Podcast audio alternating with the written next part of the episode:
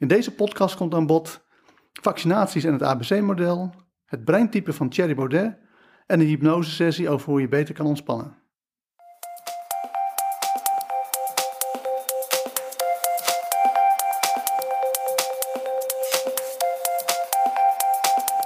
Het ABC-model in de actualiteit.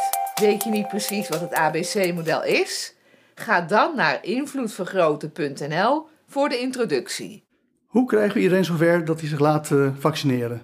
Nou, het meest voor de hand liggende antwoord erop is gebruik het ABC-model, omdat het ABC-model de meest belangrijke manier is om mensen hun gedrag te beïnvloeden.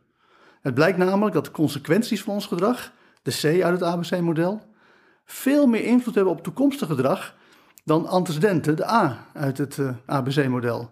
Antecedent is wat je van tevoren tegen mensen zegt. Hè, mensen oproept, uh, ga een vaccinatie halen. Um, maar ons gedrag wordt vooral beïnvloed door wat levert ons, gedrag op? Wat zijn de consequenties? En daarbij geldt, negatieve consequenties zorgen ervoor dat ons gedrag uh, laat verdwijnen. En uh, positieve consequenties zorgen ervoor dat we er meer gaan doen. Voor de duidelijkheid, de B in het ABC-model is het Engelse behavior, wat voor gedrag staat. Dus om te bepalen hoe je het ABC-model gebruikt voor, uh, om mensen te laten vaccineren, is het eerste wat je doet, checken of de specificatie van je gedrag goed klopt. Want als daar problemen zijn, dan uh, gaan we snel de mist in. En daarvoor is er iets dat heet de dodemanstest. Als een lijk het kan, dan is het geen gedrag. He, dus bij je laten vaccineren, dan denk ik ja, dat is iets wat een lijk ook kan. Lijken kunnen zich prima laten vaccineren. En dus dat is een slechte specificatie van het gewenste gedrag. En veel beter is, ga een vaccinatie halen. En vervolgens hebben we een tweede probleem met uh, gaan vaccinatie halen. Want het ABC-model werkt vooral doordat ouder, voorheen gedrag wat we vroeger gedaan hebben, beloond is. En daarom doen we het in de toekomst nog een keer. Maar bij vaccineren, wanneer je gaat vaccineren, dan is dat in principe eenmalig. En je moet natuurlijk twee uh, keer een injectie halen. Maar als je eenmaal gevaccineerd bent, dan ben je in principe klaar. dus dat betekent dat we die manier waarop ons brein werkt, namelijk heel erg ons gedrag stuurt om beloningen binnen te halen, die positieve consequenties, echt heel slecht kunnen gebruiken bij het, laten, bij het gaan vaccineren. Bij het gaan vaccineren moeten we veel meer hebben van antecedenten. Gelukkig is het zo dat we niet alleen uh, positieve consequenties kunnen leren door ze zelf te ervaren en zelf mee te maken, het gedrag te vertonen, dan positieve consequenties te krijgen en dan vervolgens dat gebruiken om ons toekomstige gedrag te sturen. Maar we kunnen het ook als antecedent uit voorbeeldfuncties krijgen. En vandaar dat het zo belangrijk is dat we allerlei uh, mensen uh, naar wie we opkijken zich uh, gaan vaccineren. En dan hebben we niet zoveel aan de mensen waar je kritisch naar bent. Dus de mensen die twijfelen over of ze een vaccinatie willen, die zijn misschien ook kritisch naar politici. ja, als premier Rutte een vaccinatie gaat halen, wil dat helemaal niet zeggen dat zij vervolgens dat ook doen. Nee, daarvoor heb je helaas zou ik bijna willen zeggen, de, de juiste influence voor, nodig. Dus we hebben, althans de overheid heeft de influencers allemaal geld betaald om uh, een boodschap te laten verspreiden om uh, de coronamaatregelen in acht te nemen. Terwijl dat nou juist wel heel goed had gekund met positieve bekrachtiging door gebruik te maken van positieve consequenties. En dat de overheid heeft daar heel veel steken laten vallen door veel te veel op negatieve bekrachtiging te zitten, namelijk het straffen van ongewenst gedrag. Maar in dit geval is het superhandig. Dat kan je gewoon een hele serie uh, influencers nemen. Die laten zich allemaal uh, vaccineren. En vervolgens gaan mensen dat uh, gedrag kopiëren. En dan wordt iedereen vanzelf gevaccineerd. bovendien is het natuurlijk ook nog zo dat als je eenmaal gevaccineerd bent, dat je allemaal leuke dingen mag doen. Hè? Zo gaat bijvoorbeeld het idee rond dat je weer mag vliegen wanneer je gevaccineerd bent. Of dat je naar een festival mag, of dat je weer naar een kroeg mag of naar een restaurant. dus we kunnen ook wel allerlei beloftes doen. Dat zijn antecedenten. Dus zolang het nog niet waargemaakt is, is het nog geen uh, consequentie. Dus je kan allerlei beloftes doen als antecedent. Van hè, wanneer je gaat vaccineren, dan mag je weer vliegen naar restaurants, uh, naar parties. Alleen dan zul je zien dat de mensen die heel erg tegen vaccineren zijn, uh, helaas, dat heel erg ervaren alsof zij gestraft worden. Van ja, zie je wel, als ik me niet laat vaccineren, dan uh, mag ik iets niet. Maar daar is geen sprake van. Want ze vergelijken namelijk appels met peren. Zij vergelijken namelijk wat ze vroeger wel mochten. dus de manier waarop boetes en straf werken. Een straf eh, is iets dat je krijgt terwijl je dat niet wil hebben. Een boete is iets waar je iets wel wil hebben, maar dat het afgepakt wordt. En feitelijk is het zo dat ze op het ogenblik ook niet kunnen vliegen, naar restaurants kunnen gaan en parties kunnen gaan. Alleen ze vergelijken eh, hun leven met wat ze voor dat de coronacrisis uitbrak deden, toen ze dat nog wel mochten. En als het dus zo was dat ze dat in, die leven, in dat leven wat ze toen deden, als we toen weg gingen halen dat ze niet meer mochten vliegen, niet naar restaurants mochten, niet meer partyen, dan had je daadwerkelijk een vorm van boete. Maar in dit geval is het zo dat hun huidige gedrag, een huidige ongewenste gedrag moet ik zeggen, dat is verder leven zoals we nu doen, onder de coronamaatregelen, in achtneming van de coronamaatregelen, zonder uh, vaccinatie. En daar mogen ze nu al allerlei dingen niks. En dat betekent dat als ze dus geen vaccinatie halen en om die reden geen, uh, niet mogen vliegen, niet naar parties mogen, niet naar restaurants mogen, dan is dat geen straf wat ze krijgen, want dat mochten ze sowieso al niet. Dus in dit geval is het zo dat uh, uh, vanwege de eenmalige activiteit van vaccineren we weinig met consequenties kunnen doen. We kunnen alleen wel die consequenties al heel erg in het vooruitzicht stellen door middel van antecedenten, namelijk in de vorm van of voorbeelden, influencers die uh, zich laten vaccineren. Dan wel met mooie beloftes, namelijk wanneer je vaccineert, dan mag je weer op vakantie, dan kan je vliegen, kan je naar festivals, naar restaurants.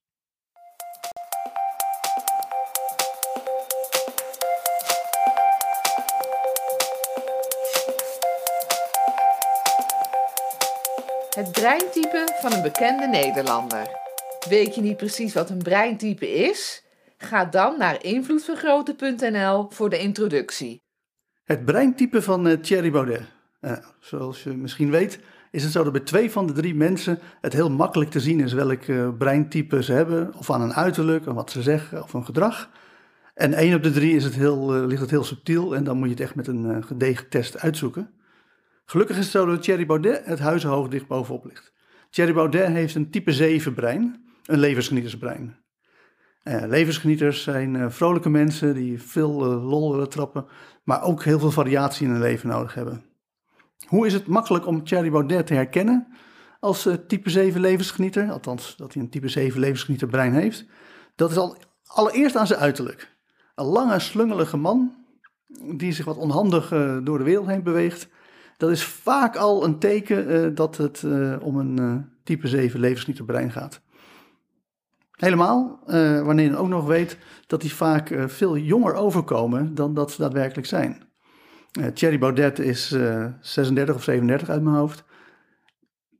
Maar hij komt echt over als misschien eind 20. Dat is typisch een eigenschap van mensen met een type 7 levensgenieterbrein. Een of andere manier de genetica ervoor dat zij ook een soort babyface hebben. Maar ook als je hem ziet bewegen, dan is het typisch een uh, levensgenieter. Um, bijvoorbeeld, hij, hij, vindt dansen natuurlijk leuk. Uh, levensgenieters vinden alles leuk om te doen, maar dansen ook. Alleen dan zie je tegelijkertijd dat het op de typische, beetje onwennige, houterige manier van levensgenieters gaat. Maar er is meer natuurlijk, want bij Thierry Baudet kun je ook heel goed zien dat wat de levensgenieter zo kenmerkt, namelijk die uh, wilde fantasie, uh, gekke dingen doen, maar ook vooral gekke dingen denken, dat je dat ook helemaal terugziet. Um, levensgenieters hebben als uh, idee om te overleven dat je kennis nodig hebt. je moet gewoon dingen weten. Maar bij de levensgenieter is dat hele bijzondere kennis. Want, denken de levensgenieters, alle bestaande kennis, of dat nou feitenkennis is of sociale ervaringskennis, daar hebben we weinig aan. Om de eenvoudige reden dat als dat al de oplossing gebracht had, dan waren er geen problemen geweest. dus gegeven dat er wel problemen zijn, kan je niet anders concluderen dat onze bestaande niveau van kennis onvoldoende is. En dat betekent volgens levensgenieters dat je compleet nieuwe dingen moet verzinnen. dus Thierry Baudet komt nogal in opspraak omdat hij allerlei uh, uh, verkeerde of foute ideeën heeft. Alleen is het verstandig om te bedenken, oh, hij ontkent dat natuurlijk. En op een bepaalde manier heeft hij er ook gelijk in. Want hij probeert helemaal niet oude foute ideeën van vroeger uh, uh, te denken. Want daarvan denkt hij, ja, die, die werken niet. Die zijn mislukt. Dat hebben we allemaal gezien. En in plaats daarvan probeert hij nieuwe spannende ideeën te verzinnen. Alleen helaas is het zo dat vanwege de wildheid en de gekte van de type 7 levensgenieter...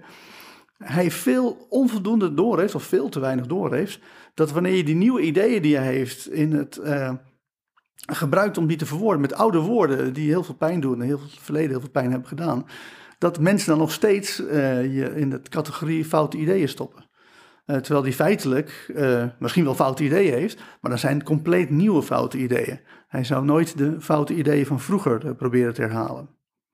Verder zie je natuurlijk ook in zijn gedrag het pleasende. Hij wil natuurlijk eigenlijk iedereen te vriend zijn. Hij wil geen problemen hebben, ook niet in de partij, ook niet met anderen. Hij wil liefst iedereen, dat iedereen vrienden met hem wordt. Tenzij hij natuurlijk gestrest is.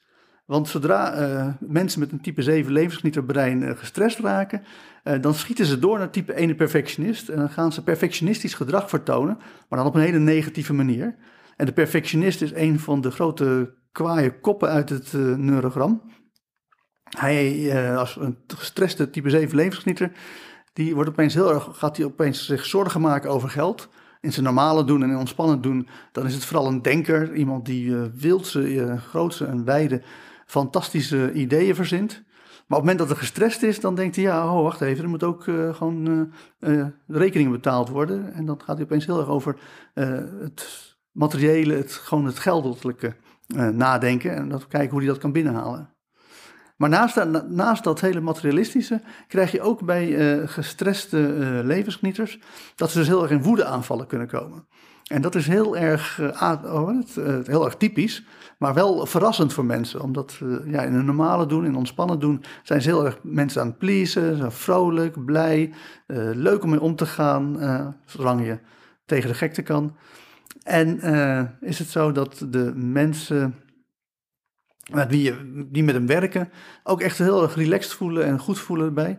En dan zijn ze heel erg verbaasd dat hij opeens zo heftig, namelijk met de heftigheid van een perfectionist, uit de uh, uit de slof kan schieten op het moment dat hij gestrest raakt.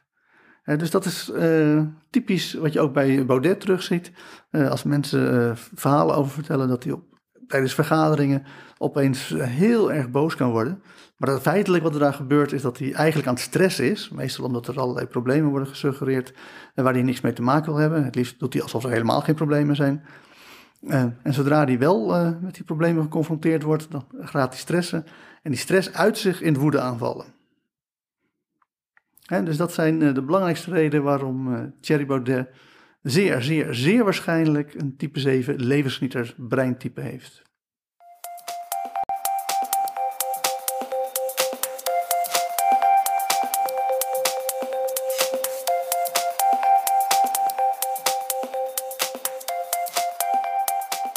De hypnosesessie. Welkom bij uh, de hypnosesessie. Het doel van uh, vandaag uh, is om je een hypnosesessie te geven waarbij je makkelijker en beter en dieper leert ontspannen. Nu is het ontspanningsproces natuurlijk al een heel integraal onderdeel van hypnose. dus, dus eigenlijk is het een soort basisoefening om gewoon beter te worden om in een hypnotische trance te gaan. Um, Mocht je al uh, heel veel ervaring hebben met hypnose, nou, dan is het uh, waarschijnlijk uh, makkelijk om mee te gaan. En dan hoop ik dat je ook het geduld hebt, want dan ga ik in het begin ga ik wat langzamer dan normaal gesproken. Met name omdat de mensen die nog niet heel veel ervaring hebben of die weinig ervaring hebben, om die de ruimte te geven om ook voor zichzelf op een hele natuurlijke, ontspannen manier in een hypnotische trance te raken. Wat ook van belang is om van tevoren te zeggen, is dat het heel helpt wanneer je gewoon heel sterk ook in die hypnotische trance wil komen. Dus hypnose werkt meestal, uh, ook als mensen meer of minder willen. Maar het wordt allemaal een stuk makkelijker wanneer je daadwerkelijk heel erg graag, heel lekker, relaxed, diep ontspant en in een hypnotische trance raakt. Dus uh, wat mij betreft zeg je tegen jezelf, kom op, ik ga eens eventjes er helemaal voor. Ik ga diep, diep ontspannen om te kijken hoe makkelijk in een hypnotische trance komt. Dus laten we beginnen. En het begin is heel makkelijk. Ga even lekker zitten. Zorg dat je beide voeten op de grond staat. En voorkom dat je ondertussen gevaarlijk gedrag doet, wat heel onhandig is als je in een soort diepe, slaapachtige, droomachtige toestand komt. Het makkelijkste is gewoon lekker in een stoel zitten, naar mijn stem te luisteren, eh, beide voeten op de grond. En wat we dan gaan doen is heel eenvoudig. Je sluit lekker je ogen en vervolgens luister je naar mijn stem in de wetenschap dat mijn stem met je meegaat en je op elk moment weer weet wat de volgende instructie is. En als eerste gaan we eens rustig inademen Haal maar eens rustig in. In door je mond en uit door je neus. En ontspan. En ontspannen is gewoon heel erg makkelijk om te doen door gewoon terug te gaan naar een moment waarbij je best wel ontspannen was. En daarbij is dan handig om niet het aller, aller, aller uh, ontspannendste moment ooit te zoeken. Want vaak is dat uh, alleen maar tijd ver, ver, verpesten, omdat je toch nooit zeker weet of dat het meest ontspannen moment is. Maar gewoon één van de momenten waarvan je weet, oh ja, toen was ik gewoon heerlijk lekker ontspannen. En ik weet natuurlijk niet of dat een moment was waar je lekker op vakantie was, of juist dat je lekker in de zon lag, je omdraaide, de warme zon op je huid voelde en je dacht, oh, ik slaap mijn droom nog eens verder. Of juist dat je in bed lag, dat je dacht, oh, ook heerlijk warm, ik kan me ook omdraaien en verder slapen en verder dromen. Of welk moment je dan ook zelf kiest. Het hoeft absoluut niet uh, een van mijn momenten te zijn. Het enige wat ik je ga vragen is wanneer je dat moment gevonden hebt, dat je weer weet waar je was, met wie je was, om dat gewoon weer helemaal voor te stellen zoals je dat toen meemaakte. En misschien had je op dat moment ook je ogen dicht, maar dan weet je in ieder geval nog of je er was, hoe warm het was. Maar misschien had je je ogen nog open en dan kan je nog voorstellen hoe de omgeving eruit zag, bij wie je was. En hoe meer je dat voorstelt, hoe meer je merkt dat je al begint te ontspannen. Bovendien kan je nog iets uithalen door, zeg maar, de manier waarop je herbeleeft nog meer te versterken, door bijvoorbeeld, als je het in een 2D uh, als een plaatje terugziet, waar je toen vroeger was, om dat 3D te maken, om de kleuren warmer te maken. En het belangrijkste, om te zorgen dat je er helemaal middenin zit. Dat je weer uit je ogen kijkt, uh, weer ziet wat je zag en helemaal in de situatie opgaat, zodat je maximaal weer voelt hoe die ontspanning destijds voelde. En ik weet natuurlijk niet waar die ontspanning in je lichaam zit, maar ik weet wel dat er ergens in je lichaam een plek is waar je het meest ontspannen bent. dat kan je linkervoet zijn, je rechtervoet, je linkerbeen, rechterbeen, linkerarm, rechterarm, je schouders, je nek, je hoofd. Maar meestal is het of je buik of je borstkas. En wanneer je daarop gaat focussen, op dat deel van je lichaam waar je het meest ontspannen bent, dan kan je voelen dat er een bepaald soort beweging in die ontspanning zit. Vaak is het een soort warme deken die van boven naar beneden komt. Of een warme zon die van binnen naar buiten straalt. Maar het kan ook weer, iedereen kan weer zijn eigen patroon hebben. Maar op het moment dat je eenmaal door hebt wat het patroon is, dan merk je vanzelf dat naarmate je dat patroon meer en meer gaat herhalen, dat je steeds dieper en dieper begint te ontspannen. Dat het ook steeds meer die, dat gevoel van ontspanning steeds meer ruimte in je lichaam inneemt. Als het in je buik zat, begint het te groeien. Als het in je borstkas zat, begint het te groeien. Als het een warme deken is, begint het steeds meer je lichaam te vullen met ontspanning. En dat betekent dat we al twee van de drie meest belangrijke zintuigen het begin gemaakt hebben van ontspanning. Namelijk door beelden van ontspanning op te roepen en het gevoel van ontspanning op te roepen. En het derde belangrijke zintuig is geluid, oftewel onze gedachten. En in principe kun je de gedachten gewoon laten gaan zoals je zelf wil. Het enige wat ik je ga vragen is om die gedachten steeds langzamer en zachter te laten maken, zodat het lijkt op hetzelfde gevoel alsof je in slaap valt en begint met dromen. Mij maakt niet uit wat je met je gedachten doet. Het is prima als ze er nog zijn, maar het is ook prima als ze helemaal verdwijnen en gaan. Alleen de, de gedachten die je nog hebt, daarvan is het dus heel handig om ze slaperig te laten klinken en ze steeds zachter te laten gaan en steeds langzamer. En terwijl jij dan op die manier verder gaat met jouw gedachten, ga ik verder op mijn volume en mijn snelheid van spreken, zodat je op die manier nog steeds goed hoort wat alle instructies zijn. En wat je dan met je bewustzijn gaat doen de komende tijd, is eigenlijk continu die drie dingen. Een moment van ontspanning verbeelden, Vervolgens voelen waar die ontspanning in je lichaam zit. En tenslotte je gedachten steeds meer ontspannen door ze langzamer te maken, zachter. En er misschien een slaperig getoon aan te voegen. En dan kan het best zijn dat nadat je het een paar keer gedaan hebt, dat je dan hebt uitgekeken op de huidige situatie waar je nu aan denkt qua ontspanning. dat is prima, dan ga je gewoon verder terug in de tijd naar een volgend moment waarbij je heerlijk lekker ontspannen was. En dan ga je dat weer verbeelden, weer herbeleven, liefst in 3D, warme kleuren, terwijl je er middenin zit. En uit je ogen kijkt en weer precies ziet wat je toen zag. En daarna voel je die gevoel van ontspanning. Waar zit hij? Zit hij op dezelfde plek of misschien een andere plek? En tenslotte, ook weer die gedachten die je erbij hebt, die zijn prima. Laat ze maar heel rustig en relaxed gaan op een tempo waarbij je denkt, daar word ik steeds slaperiger en dromeriger van. En dan ga ik ondertussen met je onbewust iets anders doen. Dus jij blijft met je bewustzijn dat die momenten van ontspanning herbeleven. En dan ga ik samen met je onbewustzijn aan de slag om iets anders te doen. Namelijk heel eenvoudig af te tellen van 10 tot 1. Waarbij je merkt dat elke keer dat je uh, weer een getal naar beneden gaat, dat je dieper en dieper ontspant. Misschien zelfs zo diep dat je al in een hypnotische trance begint te komen. En om er iets visueels aan toe te voegen, stellen we een rad van Fortuin voor met die 10 getallen, 10 tot en met 1. En dan ga ik zo meteen aan draaien. En elke keer wanneer je zo'n onbewust zo'n getal voorbij ziet komen of hoort komen, dan merk je dat je dieper en dieper gaat ontspannen en begint om in een hypnotische trance te raken. Dus dan gaan we beginnen. 1, 2, 3. We zetten het rad in beweging. Dan komt het eerste getal voorbij, 10. En je merkt dat je dieper en dieper ontspant. En dan komt 9 voorbij. En je merkt, oké, ja, ik kan inderdaad een heel stuk dieper in die ontspanning schieten. En dan schiet het rad door en opeens komen we al uit bij 5. Dan merk je, wow, ik kan veel sneller en veel dieper ontspannen dan ik van tevoren had gedacht. En dan komt 4. En voor je het weet begin je al behoorlijk in hypnotische trance te raken. Een steeds slaperiger en steeds dromeriger toestand, waarbij je heerlijk kan ontspannen en echt kan genieten van wat het betekent om diep, diep te ontspannen. Maar dan komt opeens 8 voorbij en dan denk je misschien, wat hè? Maar voor je het weet ben je weer bij 7. En dan merk je weer dat je weer dieper en dieper begint te ontspannen. En dan ga je naar 6. En dan vult een gevoel van ontspanning en goede gevoelens en rust en kalmte. Vult, vult je hele lichaam zodat je steeds meer en meer begint te ontspannen en steeds dieper en dieper gaat. En dan kom je bij drie opeens uit en dan zijn we een heel stuk dieper. En dan ga je naar twee. En dan zit je al heel erg diep. En dan naar één toe.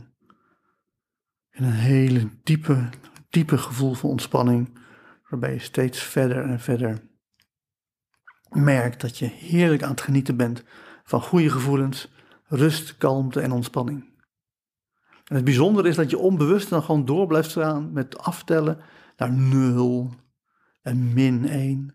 En dat je toch elke keer weer merkt dat je dan nog dieper kan gaan en nog verder in die hypnose. En dan wordt dat getal wordt als het ware een soort hypnose dieptemeter. Dat je naar min 2 gaat en dat je al zo diep zit. En voor je het weet ga je dan naar min 3 en ga je nog dieper. En dan is mijn vraag aan jou, hoe diep kan je gaan? Kan je naar min 4 en nog verder? En terwijl dit zo bezig is, dan is het ook heel goed om te bedenken, hoe kan je überhaupt dit gevoel van ontspanning meenemen? Nou, een van de manieren om dat te doen is om te zorgen dat je het als het ware in jezelf verankert. Dat kan je doen door je eigen vinger aan te raken. Uh, bijvoorbeeld met de ene hand in een vinger van de andere hand zachtjes te knijpen. Maar het kan ook gewoon puur op basis van een uh, woord. Hè? Misschien het woord ontspanning of uh, hey, even ontspannen. Of hoe je het ook precies voor jezelf wil verwoorden. Dat je eventjes dat hele gevoel wat je nu hebt van diepe ontspanning als waarde saved, opslaat. Zodat je er later makkelijk en eenvoudig weer terug kan komen bij deze diepe vorm van ontspanning. Zodat je dat niet alleen in een hypnotische trance van gebruik kan maken of gebruik kan maken om gehypnotiseerd te worden. Maar dat je tegelijkertijd ook kan gebruiken om overdag, als je wakker bent, toch eventjes in stressvolle situaties even wat extra ontspanning te pakken. Bovendien kan je uitzoeken of het gevoel van ontspanning uh, sterker wordt wanneer het versnelt of zoals bij de meeste mensen juist vertraagt. He, er zit een bepaalde bewegingsvorm in de ontspanning. Er zit een bepaalde snelheid waarmee dat door je lichaam golft of draait of whatever. En die snelheid kan je aanpassen. Kun je versnellen, maar meestal werkt het bij ontspanning dat naarmate je langzamer gaat, het gevoel van ontspanning steeds sterker en sterker wordt. En tenslotte kun je gewoon je onbewuste de opdracht geven om de komende tijd drie tot vijf nieuwe methoden te vinden om gewoon nog makkelijker te ontspannen, nog beter te ontspannen, zodat je nog meer plezier in je leven krijgt en nog minder stress en juist makkelijker en eenvoudiger in de ontspanning schiet, zowel overdag als bij hypnosesessies, zodat je heerlijk lekker diep weg kan dromen in meer en meer ontspanning. En niet alleen nu, maar ook de komende dagen, komende weken. Sterker nog, wanneer je dan terugkijkt over twee jaar naar dit moment, dan zul je zien dat dit het moment is waarop je geleerd hebt, de eerste stap hebt gezet en geleerd hebt hoe je heel makkelijk steeds meer ontspanning, steeds eenvoudiger, dieper ontspant en hoe je dat heel concreet hebt toegepast in je dagelijks leven. Zodat je veel minder stresst, veel makkelijker ontspant, veel relaxter bent, veel leuker met mensen omgaat, maar jezelf ook vooral voor de overgrote deel van de tijd je goed voelt. En wanneer je dat helemaal beseft hebt, dan is het weer tijd om wakker te worden. En om wakker te worden ga ik heel makkelijk tot vijf tellen. En bij vijf word je weer helemaal wakker. Misschien wel wakkerder dan ooit tevoren. Eén, je hoort mijn stem. Twee, je voelt jezelf in de stoel zitten. Drie, je begint je ogen te openen. Vier, open je ogen ook en kom weer helemaal terug in de normale werkelijkheid. En vijf, word helemaal wakker, wakker, wakker. Word wakker, word wakker. En heb plezier voor de komende dagen, weken, maanden, jaren. Hartelijk dank voor het beluisteren van de podcast Invloed Vergroten. Voor meer tools om je invloed te vergroten, ga naar invloedvergroten.nl.